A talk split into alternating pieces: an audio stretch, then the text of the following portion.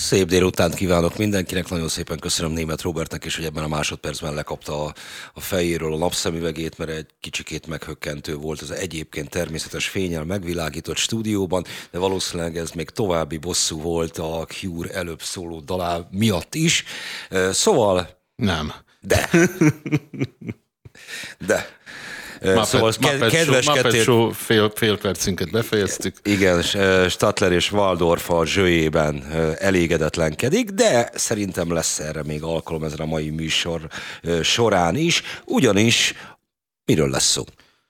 Arról a néhány nappal ezelőtt kiszivárgott közvéleménykutatási adatról, mely szerint a 30 alattiak körében a legnépszerűbb párt a Mi Hazánk, szorosan követi a kétfarkú kutyapárt és a Momentum, ugye? Jól mondom, András?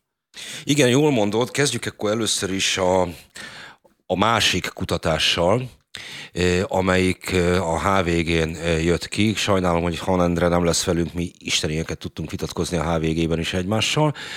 Ez ugye a teljes választó közönség körében minden korcsoportban végzett kutatás, és a biztos vál, szavazó választanunk tudók között úgy alakul a medián szerint jelenleg az erőviszony, hogy 51%-on áll a Fidesz-KDNP, 14-en a Demokratikus Koalíció, 9-en a Momentum, haton, haton a Mi Hazánk és a Magyar Kétfarkú Kutyapárt, ötön a Jobbik, kettőn a Mindenki Magyarországa, egyen a Néppártyán, egy a MSP, kettő az LMP, van még az egyéb pártoknak is egy százaléka, és kettő százalékon áll, a, nem, kettőn áll a párbeszéd, de ez egészen biztos, hogy egy darabszámot jelenti, nem a százalékot.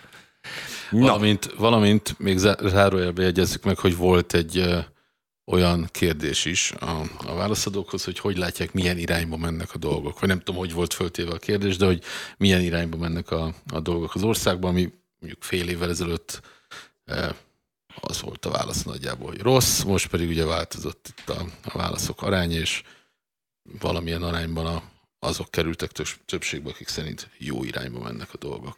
Igen, és akkor ennek a, a kiegészítése az, amit előbb te mondtál, hogy a fiatalok körében végzett, kifejezetten csak a fiatalok körében végzett kutatás az mit mutat. Itt kettő adatsor is kijött az elmúlt időszakban, értve ez alatt az elmúlt hónapokat, még korábbról származik az a felmérés, amely 40 év alattiak körében mérte a pártokat. És ugye, a... ugye ezt a, az adatot külön nem rakták be a hivatalosan nyilvánosságra hozott adatok közé. Ugye ez, ezt berakták, ez tehát azt igen, a kutyapárt 40 és a 30 nem. nem, és Ebben az egyikben az szerepelt, hogy a kutyapárt a 40 év alattiak, és úgy kellett kibogarászni azt az adatsort, mert szerint a 30 év alattiak körében hogyan áll a párt szimpátia, és ez szerint pedig a mi hazánk vezetett a fiatalok körében, a 30 év alatti magyarok körében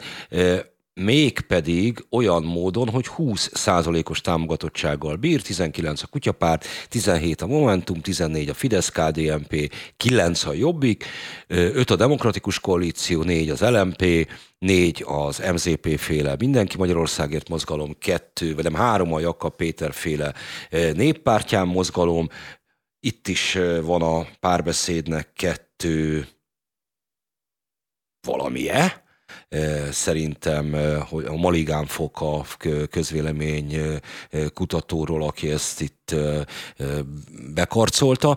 Azért vagyok ezzel mindig roppantó szkeptikus, mert azok a kutatások, amelyek egyébként nem valós pártválasztási helyzetben készülnek, sőt, olyan helyzetben készülnek, amely féle pártválasztás sohasem lesz, hiszen a párbeszéd Magyarországért fennállása során soha nem indult még önállóan a választáson, és nagy valószínűség szerint ez a következő időszakban is így marad. Amikor pedig el fog indulni önállóan, akkor pedig már nem is fog létezni. Szóval ilyenkor mindig szolgai módon rögzítenek azoknak a pártoknak valamennyi százalékot, amelyeknek a megmérettetésére pontosan az önálló indulás hiánya miatt semmiféle lehetőség nincsen, illetve szintén megszokásból az egykori nagy pártoknak még mindig leesik valahány százalék, például mondjuk az MSZP-nek, amely szerint áll a teljes népesség körében mit is mondtam előbb, 2%-on a fiatalok körében, meg 1%-on. Hát a 2%-ot még csak-csak el tudom képzelni, főleg úgy, hogy a medián más irányú mérése szerint a két legidősebb választóközönséggel rendelkező párt, az MSZP és a Demokratikus Koalíció, de teljesen kizártnak tartom, hogy ja, találjuk. legyen a Egy százalék. Tehát ez ugye ezt kéne találni, hogy körülbelül olyan tízezer MSZP-st a 30 év alattiak között. Na jó, mondjuk a biztos választók között nem, akkor is több ezret. Szerintem ezt nagyjából kizárt, ki, ki, ki is zárhatjuk. Na mindegy. Na de hogy erről fogunk most beszélgetni. Igen, erről fogunk most beszélgetni, arról fogunk beszélgetni, hogy a fiatalok körében milyen módon alakul a pártok támogatottsága, de nem is, nem is el szerintem ennél hogy is mondjam, vehetjük költőibre a megfogalmazást, eh, ki a jövő. Nem? Vagy hogy emögött az adatok mögött milyen attitűdök, milyen akár befektetett munka, milyen ajánlatok, milyen remények vannak. Szerintem itt ez az érdekes igazándiból. Igen, igen, igen, igen, hogy mennyiben igaz. Na most akkor elmondok én valamit, ami mondom, én imádtam mindig eh, Han Endrével vitatkozni, eh, és hogy én hogy látom, vagy szerintem mi van, szerintem, pontosan azt, hogy mi van, azt nem tudom, azt hiszem, hogy jelentősen felül van mérve jelen pillanatban a demokratikus koalíció. Nem teljesen szándékoktól függetlenül. Ez megfigyelhető a kormány közeli nézőpont intézetnek a, a számsorain is.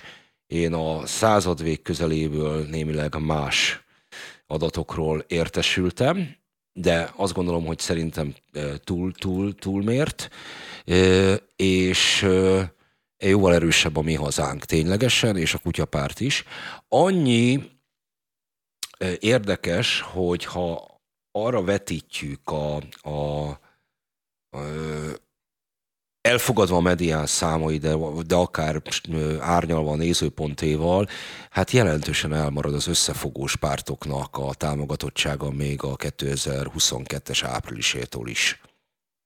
Ugye Ez valószínűleg kaptam... egyébként nem független attól a, az adattól, amit mondtam, ugye, hogy ki mit gondol arra, hogy merre felé mennek a dolgok. A, valószínűleg, ha mondjuk egy fél év ezelőtt volt egy ilyen enyhén negatív, vagy nem annyira valamennyire, enyhé, valamennyire negatív irányba elhajló hangulat, mondjuk így egyszerűen, és most van egy valamilyen irányban pozitív irányba elhajló hangulat, és egyébként emellé jön az az adat, hogy, a, hogy az összefogós pártoknak a, a támogatottsága hát csökkent, még a választások körüli adathoz képest is, akkor nyilvánvalóan van a, a kettő között összefüggés. Te ezt hogy látod egyébként? Én azt látom. Mind a két kérdés. Én azt látom, hogy nem is az a lényeg, hogy pontosabban, de a lényeg az, hogy jó irányba mennek, vagy nem, rossz irányba mennek a dolgok. Mármint, hogy az emberek szerint. Igen, igen, igen, de ez ugye mindig annak a szavazó bázisnak és zömében ők nem a fiatalok, érdekes, ez a nem kell mindig ugrálni.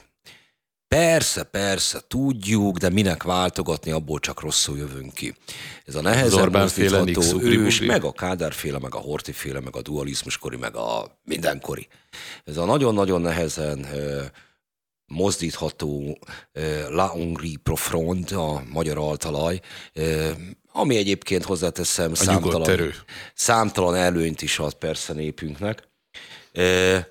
Másfelől viszont ott vannak azok, mindig ott vannak, és közöttük vannak a fiatalok nyilvánvalóan felülreprezentálva, akik ilyen, olyan okokból nem elégedettek vagy a hatalommal, vagy csomó minden mással, világgal, rendszerkritikára vágynak. Na és ez az igazán érdekes, hogyha mi hazánk ezt a jobb oldalon ö, tudja tartani. Na de hát van is egy illetékes ember, akit erről meg tudunk kérdezni, illetve azt, hogy ő erről mit lát. Vendégünk a telefonnál, Tóth Endre, a Momentum mozgalom parlamenti képviselője, egyben Budapest 18. számú választókörzetének egyéni parlamenti képviselője, jól mondtam? Igen, igen, igen. igen. Yes, hogy én mennyi hülyeséget tudok fejből egyébként, ez hihetetlen, eh, de azért lássa be, hogy valaki így egyből a számát is tudja az embernek. Következő az óvodai jele lesz, amit fejből tudni fogok. Na, azon meglepődnék azt is. bemondaná. Miért? Mi volt? Egyébként két jelem is volt, zászló és szék. Úgyhogy... És mi volt az zászlón?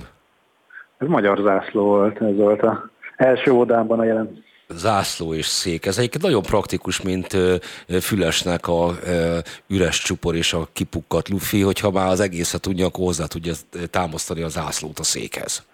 Igen, így van. No de. No de, akkor térjük rá kellemetlen témának. Nem érzi a Momentum hallatlanul nagy kudarcnak, hogy akár az egyik mérést fogadjuk el, akár a másikat is, hogy a fiatalok körében vagy a mi hazánk áll az élen, vagy a két farkú kutyapárt? Hát azért itt, ha jól láttam, nem teljesen ez jött ki, mert gyakorlatilag három párt egy hasonló százalékon áll. Ugye itt a mi hazánk jött ki, egyiken 20 százalékra, a két farkú 19, Momentum 17. Azért ez a közönkutatásokat ismerve, ez ilyen hiba határon belüli dolog, de nyilván az lenne az ideális, hogyha Momentumnak lenne meggyőző fölénye ebben a korosztályban, úgyhogy... De hát nincs. Ez, igen, igen, úgyhogy ezt, ezt el kell ismerni, hogy itt van még mit fejlődnünk. Annak ellenére, hogy azért sokat dolgozunk ezen a területen, tehát van egy nagyon aktív ifjúsági szervezetünk, a Momentum 10X, akik viszonylag sok akcióval be is kerülnek akár a hírekbe, meg közösségszervezést végeznek. Úgyhogy foglalkozunk. Hát akkor mi lehet, a, mi lehet a hiba, de hát most Momentum 10X értem én, de hát ez hogy is mondjam, csak ön, aki nem a Momentum 10X-nek a tagja, hanem a Magyar Parlamenté 1990-es születésű, hát nem lehet róla azt mondani, hogy idős, és ehhez képest az én kortársaimmal Torockai Lászlóval, illetve Kovács Gergővel, mind a kettő fiatalabb nálam egy-két évvel, na jó, a Kovács az öt, öttel, szóval, hogy az én kortársaimmal versenyez a fiatalok kegyeiért. Hát nyilván a fiatalok között is vannak szegmensek, és én azt gondolom egyébként, hogy mondjuk az egyetemisták között a Momentum lenne a legerősebb. Én láttam korábban ilyen felmérést is. Tehát aki, aki mondjuk felsőoktatásba járott más, de mondjuk egy, egy vidéki, alacsonyabb végzettségű, vagy nem tovább tanuló rétegben könnyen el tudom képzelni, hogy a mi hazánk ilyen jól áll.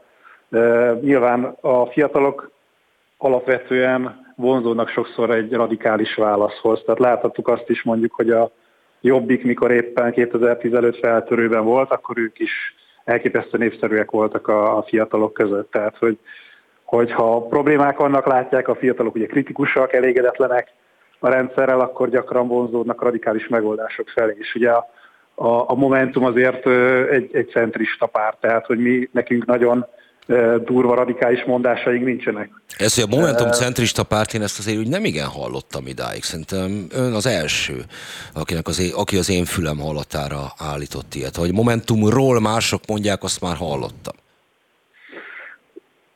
Pedig ez mit jelent ez a belül elég közkeletű. Nyilván sok jelzőt aggatnak ránk. Liberális, meg nem tudom, progresszív, de hogy ez, ez mind gyakorlatilag illik arra a csapatra, aki a Momentum.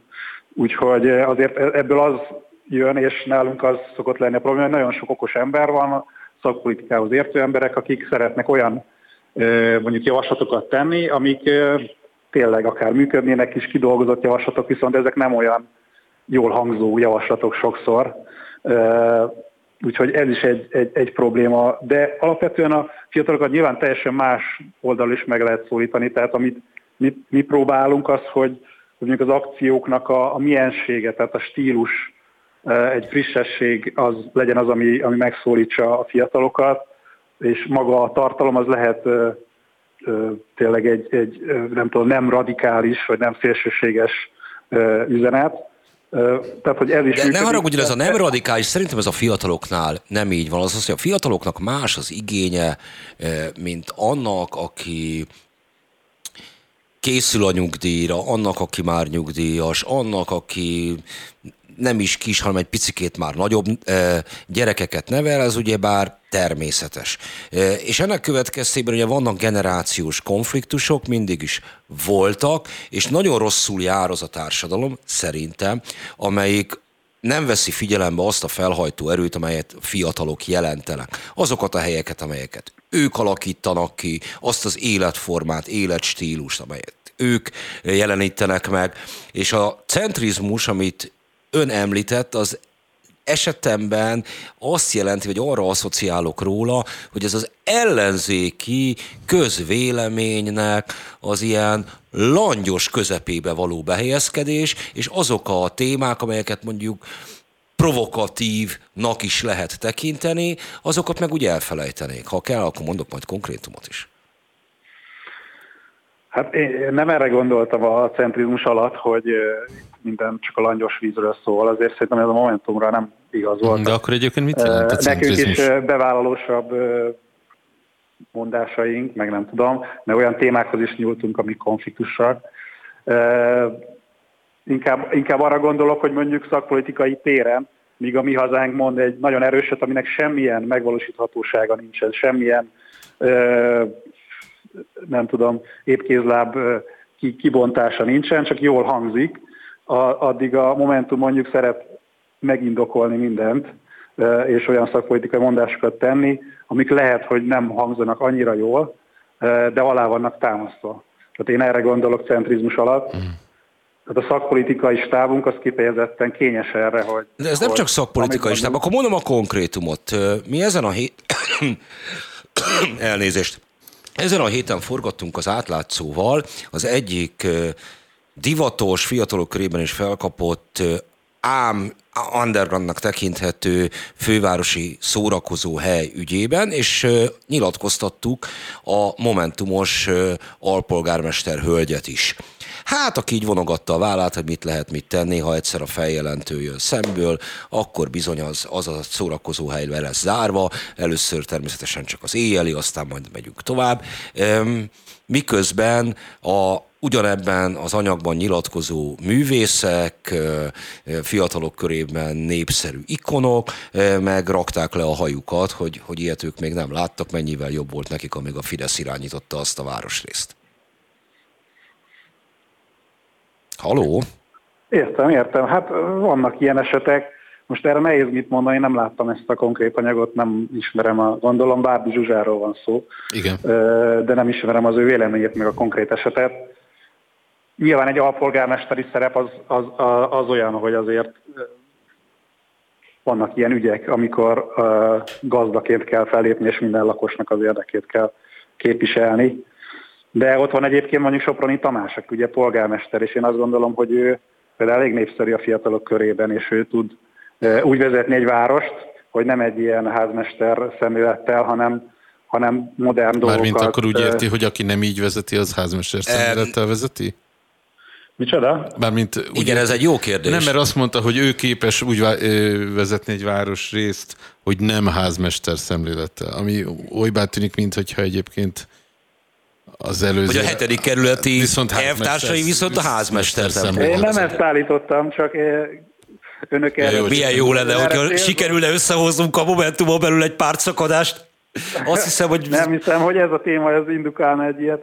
Csak arra célzok, hogy, hogy szerintem Soproni Tamás tud egyértelműen olyan szellemben vezetni egy, egy kerületet, ami vonzó a fiatalok számára olyan közösségi programokat, olyan szakpolitikai javaslatokat visz át, amik tényleg progresszívek és vonzóak azok De körében. Akik Soproni Tamásnak ebből a szempontból könnyű dolga van, ugyanis, ugyanis az MSZP SDS időszakában eh, ott már korlátozták az éjszakai szórakozóhelyek nyitvatartását. Ez ugye a hetedik kerület megmaradt részére, ahova minden fiatal eh, szinte bezuhan hétvégenként, hogy mert, mert, mert tönkretették már az ilyen, ilyen szempontból a város többi részét, de Soproni Tamás tud jó fej lenni ebben a helyzetben, de mondjuk szembe hát menni hát igen, a saját... nyilván most egy hetedik kerületi városvezetőtől mit várnak az emberek? Tehát ő elsősorban nyilvánvalóan a saját kerületét fogja képviselni, akik ott élnek.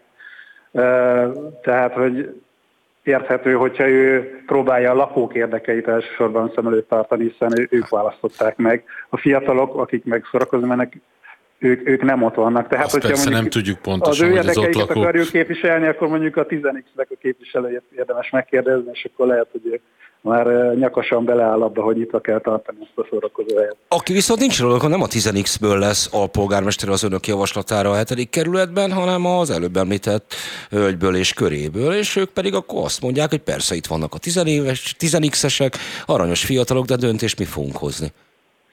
Hát szerintem nagyon sok fiatal van nálunk döntési pozícióban. Ha megnézzük a frakciónkat például, hát milyen a legfiatalabb frakció az egész országgyűlésben. Tehát talán a tíz legfiatalabb képviselőből hét az nálunk van, valami hasonló arány van. Tehát én nem gondolnám azt, hogy nálunk csak az idősek érvényesülnek. Eleve a Momentum tagsága nagyon nagy rész 20-as, 30-as korosztályból tevődik ki, tehát már csak ezért sem igaz ez, hogy itt, itt ilyen hosszú szamálét lenne. Jó, mi az elképzelése azzal kapcsolatban, hogy a Momentum hogy lesz megkérdőjelezhetetlenül a legerősebb akkor a fiatalok körében, hiszen arra tett utalást, hogy az lenne a jó? Hát amiben valamiben szerintem tartanunk kell az eddigieket, tehát az, hogy csinálunk figyelemfelkeltő erős akciókat, ebből többet kell, és voltak nagyon erős időszakai a Momentumnak erre nézve, mikor nem tudom, átmaticáztuk a kormánypárti plakátokat, mikor jaktparkolót festettünk a külügyminisztérium épülete elé, és lehetne sorolni ilyen akciókat. Ez elég ahhoz egyébként, azt gondolja? Köszönjük? Ez elég ahhoz egyébként, azt gondolja, hogy megtartsák, vagy akár megerősítsék a helyüket a fiatalok hát ez között? egy szelete, ez egy szelete ah. szerintem, mert a fiatalokat szerintem több dolgon keresztül lehet megfogni. Az egyik az, hogy hogy a számukra vonzó frissességgel, lendülettel beleállni politikai ügyekbe, és erről beszélek az akciók terén. A másik fontos dolog, hogy az őket érintő és foglalkoztató ügyek legyenek képviselve. A parlamentben Tenne egy gyors felsorolást, két-három említést, és aztán utána meg fogom kérdezni. Ilyen ügyek érintik őket? Igen.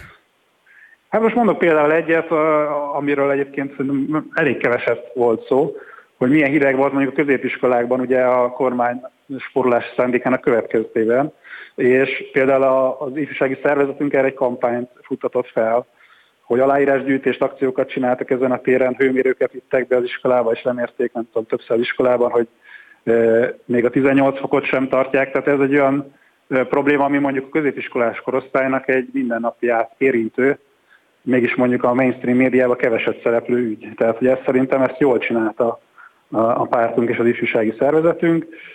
Nyilván van sok más probléma is, például a, mondjuk a lakhatás kérdése, hogy hogyan tud egy, egy, az már egy kicsit idősebb generációnak, mondjuk a 30-as éve elején járó generációnak a problémája, hogy hogyan tud önálló lakást szerezni, az egyetemi életnek a problémái, ugye mondjuk az Erasmus, hogy lehet menni Erasmusra, ez most ugye egy aktuális téma, tehát sok mindent lehet mondani.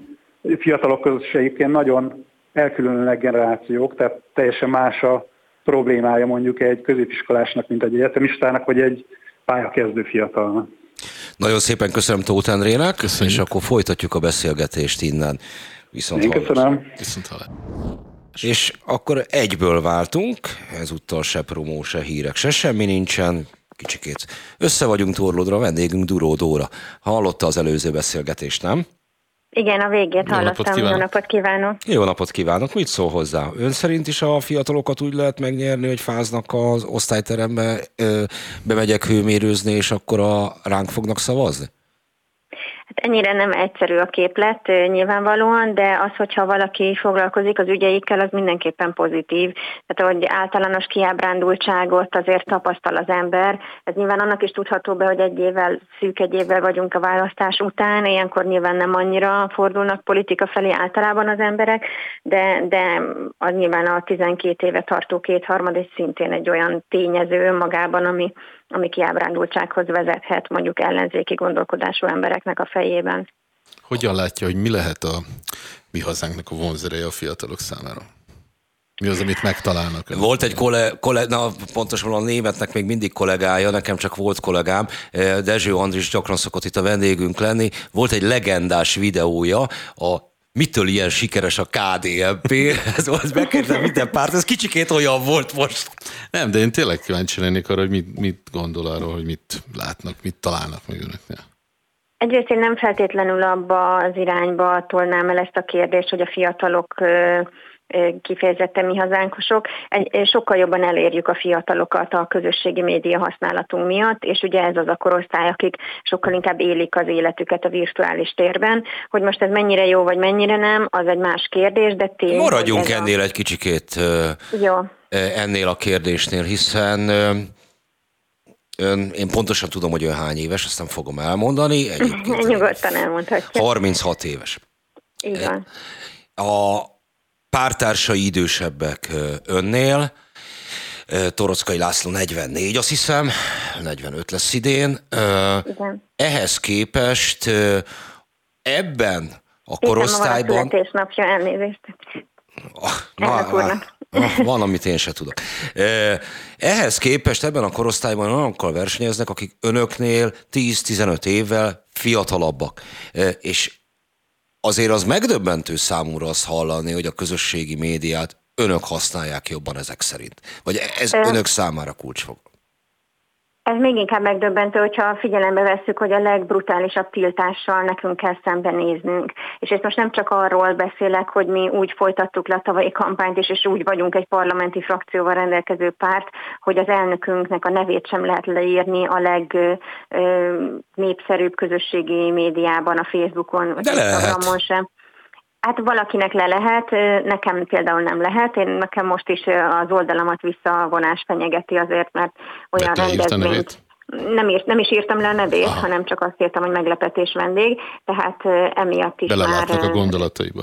Igen, igen, igen, tehát ez, ez egy brutális hátrány, de ugye az ő Facebook tiltására 2019-ben került sor, amiből előnyt kovácsoltunk azzal, hogy a YouTube platformján gyakorlatilag, hát az, hogy a politikusok között első, az, az egy kvázi nyilvánvaló evidencia most már, de én azt mondom, hogy a YouTube véleményformálók közül körében is, hogyha nem csak a politikusokat, hanem a magyarországi influencereket nézzük, akkor ott is nagyon jelentős hatása van. Felvették az áldozati poszt? Ez hogy is mondjam, nem csak egy, nem egy radikális jobboldali pártól várnám ezt. Épp hogy, épp, hogy azt mondanám, hogy minden nehézség és viszontagság ellenére sikerült előnyt kovácsolni ebből a nehéz helyzetből, amibe kerültünk ugye 2019-ben. Tehát kidobtak minket az ajtón, és bejöttünk az ablakon, talán ez illik legjobban erre a helyzetre, és, és így, mivel sok fiatalt el tudunk érni a közösségi médiában, ezért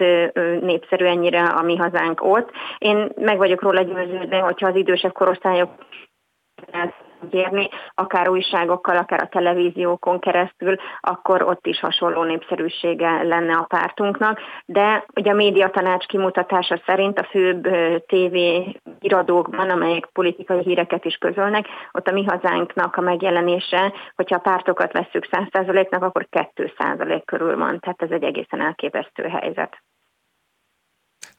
Mármint 2% az teljes magyar médiában? Nem, a médiatanács hét ö, politikai TV hírműsort elemez, a közmédiának a műsorai TV2, RTL Klub, ATV, Hír TV, és akkor ugye a Magyar Rádióban is a déli krónika, esti krónika, azt hiszem, de ebben nem vagyok egészen biztos, hogy a rádiónak melyik műsorait, és ezekből havi kimutatást készít, és a Médiatanács honlapján ez elérhető. És ebben látható az, hogy a, a mi hazánk az 2%-ot szerepel, még az egyébként a választásokon soha el nem induló, és 1-2%-os támogatottsággal rendelkező párbeszéd is többet szerepel ezekben a hírműsorokban, mint a mi hazánk. Tehát látható, hogy például az, ahhoz a közönséghez, aki ezekből informálódik, ezeket fogyasztja kvázi, azokat mi gyakorlatilag el sem tudjuk érni. Jó, azért engem továbbra is érdekelne, hogy mi, a, mi az ön mondjuk ilyen reflektív álláspontja arról, arról hogy a, a mi hazánk politikának mely ajánlatai vagy mely elemei lehetnek olyanok, amik mondjuk generálják ezt a fajta népszerűséget a, a 30-as, 30 alattiak körében. Nyilván egy, van egyfajta ilyen ö, elitellenes éle a mi hazánk politikájának, akár hogyha a maguknak a, a politikusokra vonatkozó szabályozásokat nézzük, tehát mondjuk a mentelmi jognak az eltörlése az mindenképpen egy ilyen, vagy a vagyonnyilatkozati rendszernek a modernizálása, illetve a hozzátartozók vagyonnyilatkozatának a nyilvánossága, amit ugye szoktunk követelni illetve rá számos mondjuk olyan ügyben, ami a politika napirendjén szerepel és meghatározza azt, számos ügyben egyedi álláspontunk van, ami szembe megy a mainstreammel. És nyilván olyan, egy olyan generációnak, aki mondjuk több forrásból tud információkat szerezni, nyitottabb az új donságokra, mint mondjuk az, aki már 30 éve mindig a Fideszre szavazott, az nyilván nehezebben is fog váltani egy új pártra, mint aki most nézi meg először az étlapot kvázi, vagy legalábbis nem megszokásból szavaz azoknál, azoknál könnyebb ezt elérni, hogy, hogy egy ilyen új, újon alakult pártra szavazzanak, vagy mellé álljanak, meg hát ez a fajta elitellenesség, ez a Covid kérdésében is megmutatkozott. Éppen kérdeztem ugye? volna, hogy a, hogy a lezárások két éve mondjuk legyen mondjuk két évnek, hogy az ön szerint mennyit hozott a konyhájukra? Hát nyilván sokat hozzátett a mi hazánk népszerűségéhez, meg ismertségéhez is. Ráadásul ugye a lezárások, azok ezt a fiatal korosztályt azért elég erőteljesen érintették. Az a, az a tapasztalat, hogy a fiatalok körében ez egy népszerű üzenet volt? Öm, Két részre kell bontani. A lezárás ellenesség az mindenképpen igen, hiszen ők, ő, őket nyilván megviselte az iskola bezárás, megviselte az, hogy a közösségeiket nem tudták gyakorlatilag csak az online térben tudtak közösségi életet élni, nem lehetett szórakozni, menni, nem lehetett sportolni. Tehát ezek olyan észszerűtlen lezárások voltak, amik nyilván nem voltak népszerűek. És ráadásul ugye jó, jó, jó, én csak ezt azért kérdeztem, azért kotyogtam itt ezen a ponton közben, mert a Covid időszak alatt mondjuk az én meglehetősen elvágólagos álláspontomat a lezárásokról, azt azzal intézték el, városi, fiatal, éppen hogy középkorú, de sok esetben kifejezetten fiatal emberek, hogy ez egy, ez egy boomer dolog és hogy nekem az a bajom, hogy ilyen hagyományos boomer dolgokat nem tudok kérni, és ő, ők már izé, fiatalok, nagy abszolút tudják, hogy mi az, hogy felelősség. Nekem is volt más benyomásom, hogy a fiatalok egészére vonatkoztatva, nem az, az a többségi vélemény, ami a médián és a közösségi médián keresztül látszik. Így van, de azért mondjuk, hogyha megnézzük azt, hogy valakit, mondjuk valaki végzős gimnazista, és novemberben hazaküldik két hét online oktatásra, majd soha többet nem jön vissza, és gyakorlatilag nincsen végzős gimnazista éve, és soha az életébe többet nem lesz, azért az nyilván nem tapsolt örömében, hogy ezt kvázi elvették tőle, vagy két hónapig tartott a végzős gimnazista éve, és kimaradt minden olyan élmény, és minden olyan közösségi esemény, ami, ami hozzá tartozna, vagy hozzá kellett volna, hogy tartozzon az ő életükhöz is. Tehát ezért mondom azért a fiataloknál, akiknek ráadásul több szabad idejük is van, azért ez, ez szerintem meghatározó. Meg egyáltalán ebben az időszakban jobban jobban kritikusabbak az emberek, nem annyira nyugszanak bele, talán nincsenek kiégve, hogy már a negyedik kétharmad van, és akkor ne csináljunk semmit, amit mondjuk idősebb korosztályoknál tapasztalhatunk, hanem, hanem még, még úgy gondolják, hogy, hogy tudják befolyásolni a politikát, a jövőjüket, és, és eleve felfigyelnek arra, hogyha valaki nem azt a azt az álláspontot képviselni, amit mindenki más egyébként. Na várjon, csak önöket folyamatosan az a vád éri más ellenzéki pártok részéről, hogy nem is ellenzéki párt, nem más, nem megkülönböztethető, mert igazából ez a Fidesznek egy kreálmánya. Hát ez nyilván egy taktika volt kezdettől fogva a jobbik részéről is, meg a, a baloldali ellenzék többi részéről is, hogy megpróbált minket a fidesz egymásra tolni, nyilván azért, hogy a szavazótábor az, az ugyanaz legyen, és akkor azon osztozkodjunk egymással. Úgy gondolom, hogy számtalanszor bizonyítottuk mindezt, már az előző ciklusban is. Egyébként akkor például az, a, az akkor még azonnali.hu hírportál készített egy elemzést arról, hogy a, az előző ciklusban a német nemzetiségi szószóló Ritter Imre, Bolnár János és jó magam hányszor szavaztunk együtt a Fidesz-szel a parlamentben, és akkor ebből az derült ki, hogy Ritter Imre 10-ből 10-szer, Bolnár János 10-ből 8-szor, én pedig 10-ből 3-szor és hétszer meg nem. Tehát ez, ezek a számok magukért beszélnek, és nem az, ez nem az én saját statisztikám, hanem a hát mi hazánkos elfogultsággal azért nehezen vádolható azonnali.hu év volt. Számos ügyben a kormány kritizáltuk, kritizáljuk most is, tehát ez, ez, én úgy gondolom az idő ezt már egy kicsit elmosta ezt a, ezt a vádat. Másrésztről az viszont igaz, hogy nem, nem ugyanaz az ellenzéki magatartásunk, mint mondjuk a baloldalnak. Úgy tűnik, hogy folyamatosan a egy másodperccel előrébb gondolkodik, mint én. Éppen azt akartam megkérdezni, hogy, hogy sokszor mondja, hogy a maguk ellenzéki magatartása nem az az ellenzéki magatartás, mint az ellenzék többsége. Miben válik el a, a, a kettő? Hát nagyon Hogyan sokszor tapasztaljuk ezt? azt, hogy, hogy a baloldal részéről, vagy főleg annak a meghatározó pártja a DK részéről az O1G szintig jut el az ellenzéki politika, és mindegy, mit mond a Fidesz, annak a mínusz egyszeresét fogja mondani a baloldal és ebben versengez, versengenek, hogy ki az, aki jobban kormányellenes.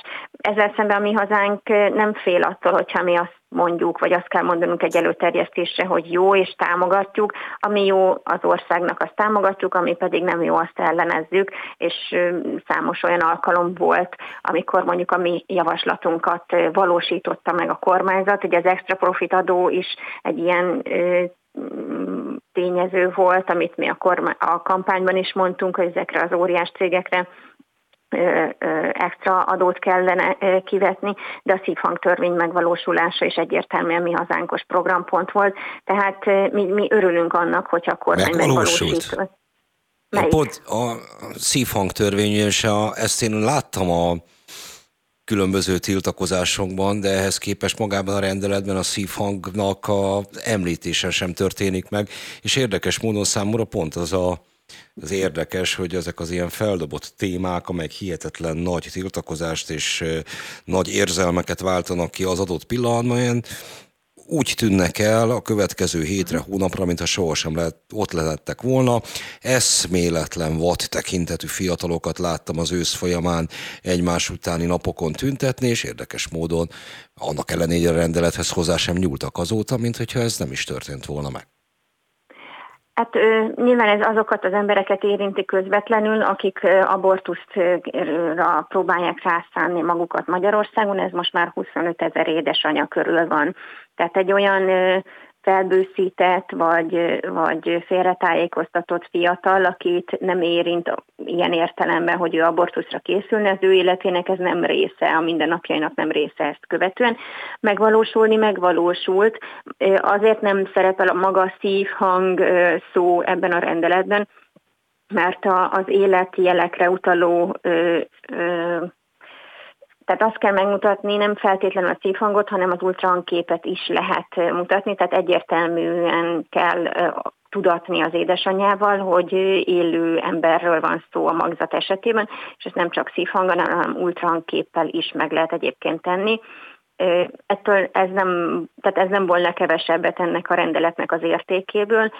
Volt egyébként egy-két hónapja egy konferencia Magyar Orvosi Kamara szervezésében erről, ennek a megvalósulásáról, a nehézségeiről, tehát a szakmai részletkérdésekről, ahol már eddigi rövid tapasztalatok alapján tudtak beszélgetni egymással orvosok is, életvédők is, vagy abortuszpártiak is egy, egy tanulságos konferencia. Emlegette a nagy cégeket, ezek ugye magyar nagy cégek, de vannak ennél nagyobbak is. Ön szerint, tehát ilyen nagy globális cégek, technóriások, meg különböző más jellegűek, mi tekinthető ön szerint hatalomnak? Egy kormány, nemzetközi pénzvilág, nemzetközi szervezetek. Mi a hatalom? Ez egy filozófiai kérdés, de hát lemehetünk egész kicsibe a családokban tapasztalható apai, atyai, anyai hatalomtól kezdve egészen akkor az óriás tech cégeknek a hatalmáig. Az egy probléma és kihívás a 21. században, hogy, hogy a nemzetállamok egyelőre úgy tűnik, hogy nem tudnak mit kezdeni ezek sem. Ebből most nem hallottunk semmit, mert valahogy rossz helyen tartózkodott éppen, nemzetállamok nem tudnak mit kezdeni, mivel? Az óriás cégeknek a, a hatalmával, tehát az, azzal, hogy, hogy ők gyakorlatilag azt csinálnak, amit akarnak, mind az adatvédelem tekintetében, mind az adózás tekintetében, mind a szólásszabadság megsértése tekintetében. Tehát egyelőre úgy tűnik, hogy nem akar konfrontációt vállalni a magyar kormány ezekkel a cégekkel. Amikor ez, ez a téma már ugye napirenden van néhány éve, és létre is jött az igazságügyi minisztériumban egy ezzel foglalkozó bizottság, és ők elkezdtek találkozgatni a Facebooknak a magyarországi kijelölt vezetőivel, majd ennek a találkozásoknak, amikor itt miniszterasszony vezetett, az lett a vége, hogy a Facebook vállalta, hogy befizetett azt hiszem 3 milliárd forintot a magyar költségvetésbe, és aztán így ezzel le volt tudva az egész.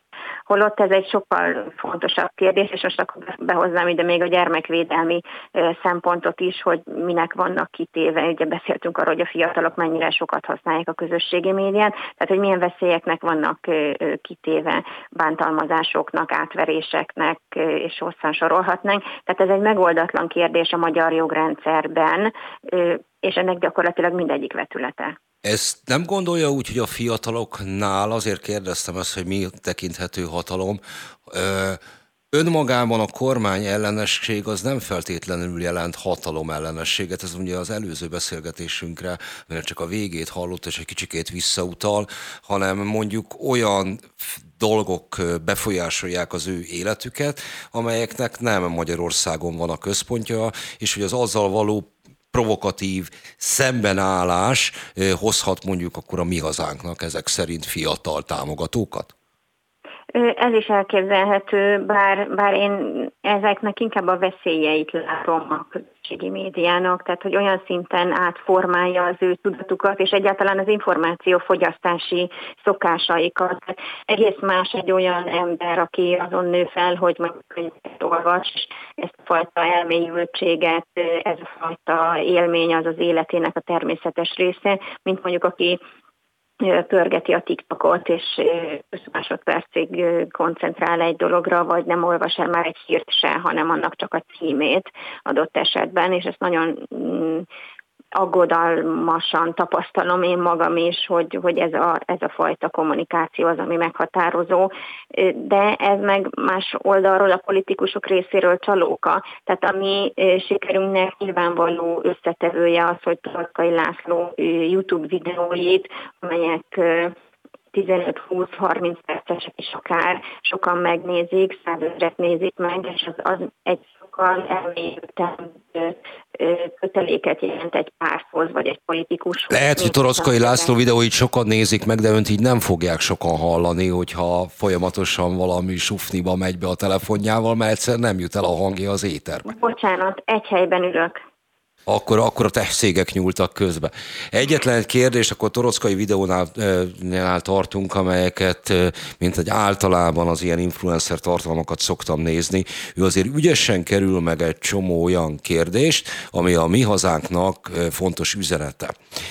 Beszél ugyan gender kérdésekről, van néhány elvágólagos megjegyzése melegekről, másokról, de ez nem, nem hangsúlyos, mert hogy miközben van a mi hazánknak valóban egy erősödése a fiatalok körében, minden más mérés azt mutatja, hogy a fiatalok sokkal megengedőbbek olyan kérdésekben, mint például mondjuk a nemi szerepek, a nemi orientáció, és így tovább, amelyel kapcsolatban a mi hazánknak, hogy is mondjam csak, hát valóban a mainstreamtől eltérő álláspontja van. Ez nem egy tudatos bátortalanság vagy gyávasság a részünkről, hanem cenzúra működik a közösségi médiában ezzel a kérdéssel kapcsolatban, sőt talán az egyik legdurvább cenzúra az LMBTQ ügyekben. Nagyon szívesen beszélgetünk erről, én minden ilyen meghívásnak, elég sok meghívást kaptam ezzel a témával kapcsolatban. Örömmel teszek eleget, és vállalom az álláspontomat. A mi hazánk is ugyanígy van, csak a, nem áldoznám be a hát több mint 300 ezer követővel rendelkező Facebook oldalamat emiatt, tehát ezeket megpróbáljuk más csatornákon eljuttatni. Elképzelhetőleg tartja, hogy van egy olyan meleg fiatal, aki pont azért, mert mérhetetlenül utálja a cenzúrát, meg bizonyos kérdésekről nem lehet beszélni, elege van a PC-ből és a többiből, hogy ez fontosabbnak tartja, mint mondjuk az önök homofóbnak is tekinthető üzenetét, és mondjuk belőle mi hazánk szavazó lesz. Hát mi nem kérdezzük meg a szavazóinkat arról, hogy milyen a szexuális orientálódásuk, erre nincs is lehetőségünk, tehát nem, nem tudunk a szavazóinknak ilyen, ilyen értelemben bármiféle kérdőívet. De akkor ő nem mondaná azt egy meleg fiatalnak, hogy menjen innen és ne szavazzon a mi hazánkra. Hát nem kérdezném meg tőle nyilván, hogy milyen, ahogyan semmilyen rendezvényen soha senkitől nem kérdezek meg magánéletű ügyet. Nekünk alapvetően a propagandával van problémánk, tehát azzal, hogy ez egy szemléletformálás a fiatalok irányába, és ennek, ennek nincsen helye, pláne iskolákban, uram, bocsá, óvodákban, tehát mi ez ellen lépünk fel a leghatározottabban. Robi? Hát, amit én akartam kérdezni, az szerintem három-négy kérdéssel korábban lett volna aktuális, de azért most már fölteszem, hogy egyébként beszéltünk arról, hogy, hogy mit, mit találhatnak vonzónak a, a, a mi hazánk politikai ajánlataiban a, a fiatalok. Az lenne még a kérdés, hogy egyébként önök ezt tudatosan építik? Tehát van, van olyan fajta tudatos politikai programjuk, projektjük, nem tudom mit csináljuk, ami kifejezetten arról szól, hogy behúzni bevonzani fiatalokat a mi hazánkhoz? Hát a, a, a kezdettől fogva fontos az, hogy a nálunk megjelent fiataloknak próbálunk segítséget nyújtani, és a mi hazánk ifjai egy nagyon erős szervezet, és itt nem csak politikai programokat szervezünk, hanem közösségépítést is, illetve egyetemistáknak már a parlamentbe kerülés után rögtön meghirdettük a parlamenti gyakornoki programot, ami nagyon sikeres volt, tehát igyekszünk azért ilyen programok vannak, igen, amik kifejezetten fiataloknak szólnak, igyekszünk ott lenni a fesztiválokon nyáron, ahova már ahova be. Jaj, de jó, hogy említette, ugyanis ezt szerettem volna búcsú kérdésként feltenni. Hátulról melve kicsikét váratlanul, hogy nem nemzeti radikális, azt nem mondhat. Milyen, melyik a kedvenc könnyű zenei produkciója együttese? Fú, nagyon nehéz ezt megmondani, mert... Mégis. Több. Mondjuk legyen a Honey Beast. Jól van. Hát akkor ezt Tarjányi Zsófi barátunkkel közölni fogjuk. Igen. Szerintem örülni fog. Neki elmondja az édesanyjának is. Köszönjük szépen Duró Dórának, hogy itt volt velünk. Mi mindjárt folytatjuk a hírek után a beszélgetésünket a fiatalokról és a politikáról. Jó szakértővel vagy érintettekkel, vagy most mi lesz. Ugyanis a vendégünk ma a Magyar Kétfarkú Kutyapárt társelnökségének 50%-a Kovács Gergely. Sziasztok! Hello. Hello. Igen, kicsikét baj, szóval az a helyzet, hogy próbálok kimérten végig magázódni az összes létező politikussal. Az a helyzet, hogy egy kicsikét viccesen vennék ki magát, hogyha elkezdenék veled magázódni. Na szóval, szervusz. Ezért cserébe viszont kellően bántó lesz az első kérdésem.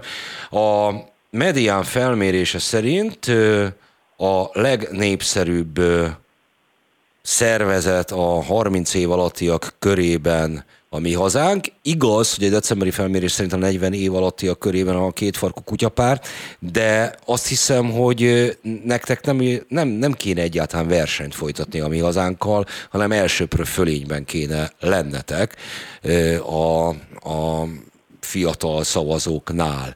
Ehhez képest van egy radikális jobboldali vetétársatok.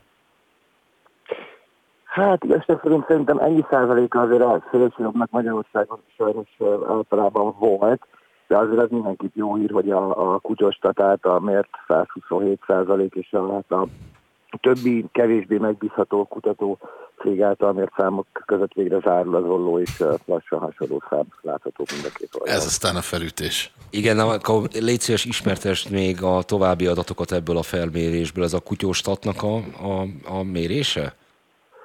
Igen, hát ez a teljes képességben van a 127 százalék, természetesen itt is jobban állunk a fiatalok körében, tehát ez inkább ilyen 140-150 körül mérhető, és az időseknél lecsökken ott egyébként alig magasabb, mint 100 százalék a, a kutyasztattának kutyapártállása.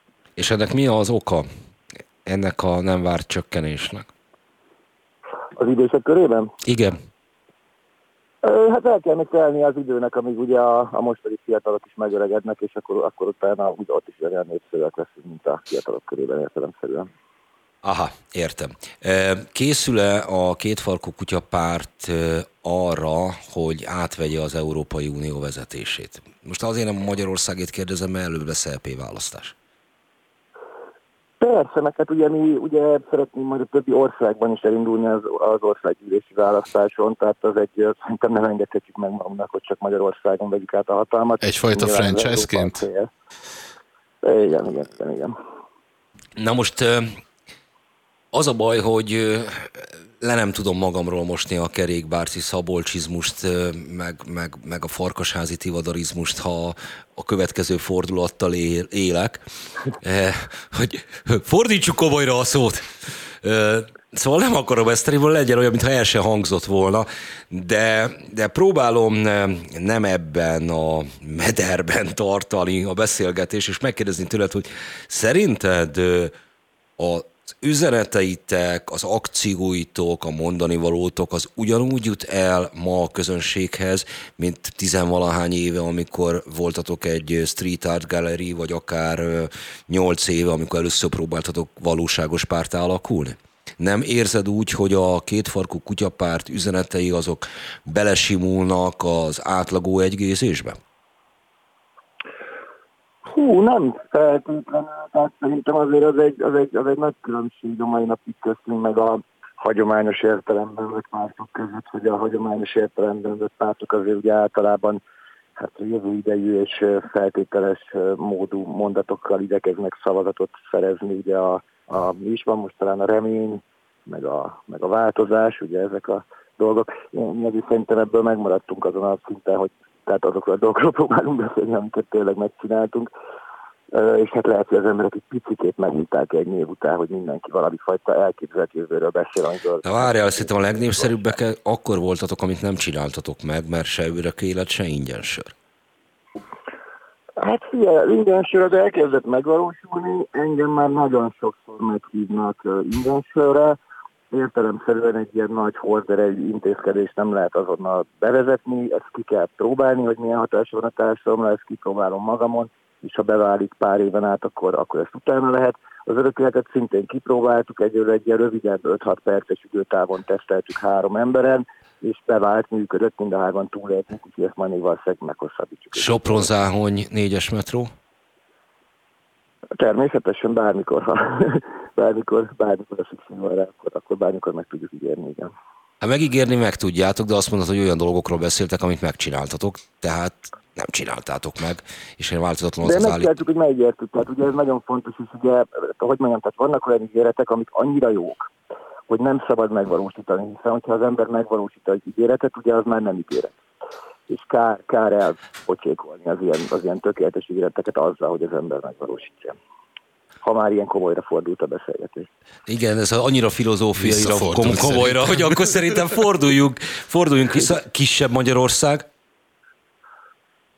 Az ország csökkentésére gondolsz? Hát természetesen. Hát a nagy, nagy Magyarország alakú kisebb Magyarország, ami, hogy is mondjam, a, a, a nemzeti békének is lehetne egy ilyen kulcsa. Szerintem mindenképp érdemes, tehát itt azért a, a, a nemzeti fájdalomnak szerintem a legnagyobb része az, az valóban az ország alakjának a megváltozása, és hát mivel ugye kifelé nem nagyon tudunk terjeszkedni, Magyarország nem arról híres, hogy háborúkat szokott nyerni, úgyhogy valószínűleg az ország régi alakját csak akkor vehetjük fel, hogyha kisebb az ország. Bár egyébként talán lenne egy lehetőség a, a terjeszkedésre, hogyha mondjuk Erdély megtámadná Magyarországot, mi pedig hagynánk magunkat, és akkor ugye Erdély el tudná foglalni Magyarországot, és akkor végül is így talán még egyesülhetnénk velük. Szerintem ez, ez, ez egy reális cél, azt olyan, olyan felületeken el kéne Mégis meg lehet nyomni. ígérni ezt is. Nem ezt a, igen, és ebben az esetben szerintem találtatok a mi hazánkkal szemben egy olyan eszközt, ami, ami fiatalok sokaságát tudja áthúzni tőlük hozzá. Ugye azt szokták mondani, hogy a hála nem politikai kategória, viszont a mai naptól az ígérés az politikai kategória. Nem, de... Igen. A, nem abszolút komolytalannál tartva a, a beszélgetésünket. Ezt megkérdeztem a Momentum képviselőjétől, országgyűlési képviselőjétől az előző órában, hogy mi forgattunk egy videót az egyik fővárosi szórakozó helyről, amelyet a Moment TUM hatókörébe tartozó önkormányzat, tehát hogy ahol van alpolgármester a Momentumnak, és ráadásul a területért felelős személy is, hát korlátozza a működését. Ő erre azt válaszolta, hogy de hát a Momentum 10X az milyen remek dolgokat csinál, de amikor pozícióba kerülnek, hát ott, ott neki ott mindenkit képviselni figyelembe kell, venni, figyelembe kell venni, stb. stb. Mit várhatunk a, a kutyapártól, amelyik nyilvánvalóan parlamenten kívül simán megígéri azt, ha már az ígéreteknél tartottunk, hogy fesztivál csinál egész Budapestből. Meg, megígérnétek? Hát figyelj, kevés olyan, kevés olyan frankó dolog van Magyarországon szerintem, mint a, mint a hetedik, illetve részben hatodik kerületi Úri negyed, és annak a, vagy hát ennek a folyamatban levő szétbarmolása szerintem egy elképesztően nagy hiba. Értelemszerűen nem a helyeken belüli élet zavarja az útlakókat, hanem ha valami zavarja, akkor az, az, az ami az utcán történik utcán történik, azt pedig a kerület vezetésének kéne megoldania, hogy ne olyan legyen, hogy ez zavarja a lakókat, és nem a értelemszerűen nem a kocsma tulajdonosok tehetnek róla, hogy 100 méter odébb éppen valaki vagy kiabál egy utcán. Szóval szerintem uh, teljesen rossz irányba közelítik meg a dolgot. Itt, uh, itt De mi a garancia arra, hogy most ezt mondod, mert ígérni könnyű, de amikor a kutyapárt megnyeri a hetedik kerületi önkormányzati választást, akkor utána nem neveztek ki illetékesnek egy kalasnyikovos munkásört, aki már pedig azt mondja, hogy nem évfélkor, hanem este nyolckor már ágyban kell lenni, irgum, burgum, és menjetek el Borbéhoz. Hát kalasnyikovos munkásört azt, azt mi is kineveznénk, viszont bezárnánk egy szobába és elvennénk a telefonját. Hát talán az, az, az bizonyíthatja, amit mondok, hogy voltam már kb. százszor életemben a kis üzemben. Úgyhogy én aztán biztos nem örülök neki, hogyha annak éjfélkor be kell zárnia. Tehát pusztán önös, önös érdekből lehet nekem hinni. De mi lenne, hogyha ezeket a konfliktusokat, ami a valós ellenzék és köztetek feláll, fennáll, valamilyen módon éleznétek is? Láthatóvá tennétek. Mondom, ez a, a egyszeri Facebook olvasó, majdnem újság olvasót mondtam, de olyan már nincsen. Szóval ez nem, nem jelenik meg. A kutyapárt olyan kedves kis segéd oszlopa az Egyesült Ellenzéknek. No, hát egyrészt el kell mondanom, hogy én most a múlt héten terhes lettem, úgyhogy most a következő kilenc hónapban nem igazán tudok beszélni a, az ellenzékről, de még korábban egyébként a adott témában mi, mi részt vettünk, tehát a, a, a szabadteraszos szabad aláírásgyűjtésben, ugye amit a csongorék csináltak, ott segítettünk. Kripovszki Csongor volt vendége ő is ennek a rádiónak. Igen, és igazából annyit szeretett volna, hogy a, a helye előtti parkolóhelyet hadd használja ugye terasznak, amit hát sajnos a mai napig nem sikerült elérni, ha jól tudom. Oké, okay, értem, de, azon túl, hogy terhes lettél, és kilenc hónapig nem akarsz az ellenzékről beszélni, ettől még, még egyszer felteszem a kérdés, azért az egyszeri Facebook olvasónak tűnhet olybá, mint hogyha a kutya párt ilyen kicsikét rakoncátlan részlege lenne azért mégiscsak az ellenzéknek, és azokat a különbséget, amik köztek és, köztetek és az ellenzék között megvan, mintha nem domborítanátok ki. Nota bene, ugye a társelnökségetek másik 50%-a, meg egy ellenzéki önkormányzat tisztségviselője. Hát a társelnökségünk más, másik 50%-ának körülbelül megkeseríti egyébként az életét az ottani ellenzéki többség, és erről egyébként épp most fogunk hosszabban beszámolni, hogy éppen mikre képesek azért, hogy akár csak egy kicsivel is több pénzt keressenek az ottani fantasztikus ellenzéki képviselők. Mikor számíthatunk erre? Hát legkésőbb jövő hét elején. Most hétvége van, de, de, de ott tényleg borzasztó dolgokat. Mert tartani fogtok egy nemzetközi vagy egy intergalaktikus sajtótájékoztatót? Akár mindkettőt. Egyébként most egyébként a konkrét eset ugye, hogy ott is van vagyonnyilatkozat ellenőrző bizottság. Ami a 12. Ugye, kerületben már nincsen, mert ezzel tettet tönkre a transzparenciát a hegyvidéken. Igen, ugye ez egy olyan bizottság, aminek az a dolga, hogy évente egyszer felemeljük a tagjai a kezét, kezüket, és ezzel megszavazzák, hogy a képviselők leadták a vagyonnyilatkozatokat, és erre még Pokorni Zoltán is tudtak itt mondani, amikor meg akartam szüntetni, és megszűnt. Ferencvárosban a mai napig működik egy ilyen, ahol dr. Mátyás Ferenc elnökletével csinálják a semmit, és most próbáltuk ott is megszüntetni ezt a bizottságot, de egyelőre, hát hogy is fogalmazok, el, elodázták a döntést, nagyon fontos ez a havi pár ezer forint mindenkinek, hogy tudni. Értem, de akkor mondom tovább. Migráns kérdés, az ellenzék úgy döntött, hogy a választási kampányban azzal próbálja ö, überelni ezt, hogy migráns számlálót állít föl. Ö, akkor rezsicsökkentés, rezsinövelés, bármi más, az ellenzék úgy döntött, hogy azzal kívánja fölvenni a versenyt, hogy adott helyzetben többet ígér, illetve már mint kevesebb fizetést az embereknek. Egy kevesebbet kell fizetniük az embereknek.